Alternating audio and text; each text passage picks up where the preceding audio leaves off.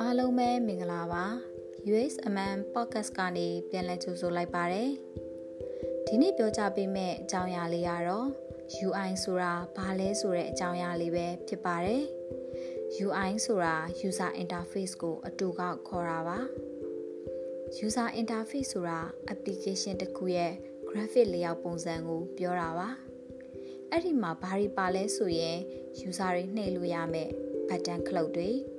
ဖတ်မဲ့စာသားတွေရုပ်ပုံတွေစလိုက်တာတွေစာရိုက်ဖို့နေရာတွေနဲ့အခြား user အချင်းချင်းကြားမှာအပြန်အလှန်အဆက်အသွယ်အသုံးပြုလို့ရတဲ့အရာတွေအလုံးပါဝင်ပါတယ်ဒီအပြင် screen layout transition interface animation နဲ့ micro interaction တွေလည်းပါဝင်ပါတယ် အားလုံးနားလည်အောင်ပြောရရင်တော့မြည်သည့်အမြင်အာရုံအပြန်အလှန်အကျိုးသက်ရောက်မှုတွေနဲ့တက်ဝင်လှုပ်ရှားမှုပုံစံအားလုံးကိုလှပတည်သက်အောင်ဒီဇိုင်းရေးဆွဲခြင်းတွေပဲဖြစ်ပါတယ်။အဲ့ဒီအလုပ်တွေကိုတော့ UI designer တွေကပြုလုပ်ပေးရပါတယ်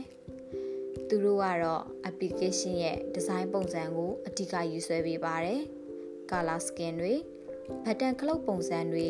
line အချင်းကျယ်နဲ့စာသားတွေအတွက် အသုံးပြုတဲ့ font တွေစသဖြင့်သုံးဆဲသူတွေမြင်ရတဲ့မျက်နှာပြင်အလှပကိုအဓိကကြည့်ရှုခန်းစားဒီဇိုင်းပြုလုပ်ပေးကြရပါတယ်။အတခုရဲ့ရွေချက်သို့မဟုတ်အရေးအသွေးနဲ့ကိုက်ညီမှုရှိတဲ့ interface တွေဆွဲဆောင်မှုရှိဖို့အမြင်အာရုံကိုဖန်ဆားနိုင်မှုအတွက်တင်တစ်လျောက်ပတ်တဲ့ပုံစံကိုရေးဆွဲပေးရပါတယ်။ UI designer ကို graphic designer လို့လည်းပြောလို့ရသလိုသဘောတဘာဝအရာတူနေပေမဲ့ UI designer တွေဟာ HTML CSS စတဲ့ကုတ်တင်ပိုင်းလည်းရေးရပါတယ်။ဒါပေမဲ့လုပ်ငန်းခွင်တစ်ခုနဲ့တစ်ခုပုံစံပေါ်မူတည်ပြီးတော့ just code လေးတွေနည်းနည်းစီကွာသားတတ်ပါတယ်။ဒီနေ့ပြောကြားခဲ့တဲ့အကြောင်းအရာလေးကတော့ UI ဆိုတဲ့ user interface လေးအကြောင်းပဲဖြစ်ပါတယ်။နောက်ပတ်တွေမှာလည်းဘလို့အကြောင်းအရာလေးတွေစိတ်ဝင်စားစရာလေးတွေပြောပြမလဲဆိုတာကိုဆက်လက်ဆောင်ပြောနားဆင်ပေးကြပါအောင်ရှင်။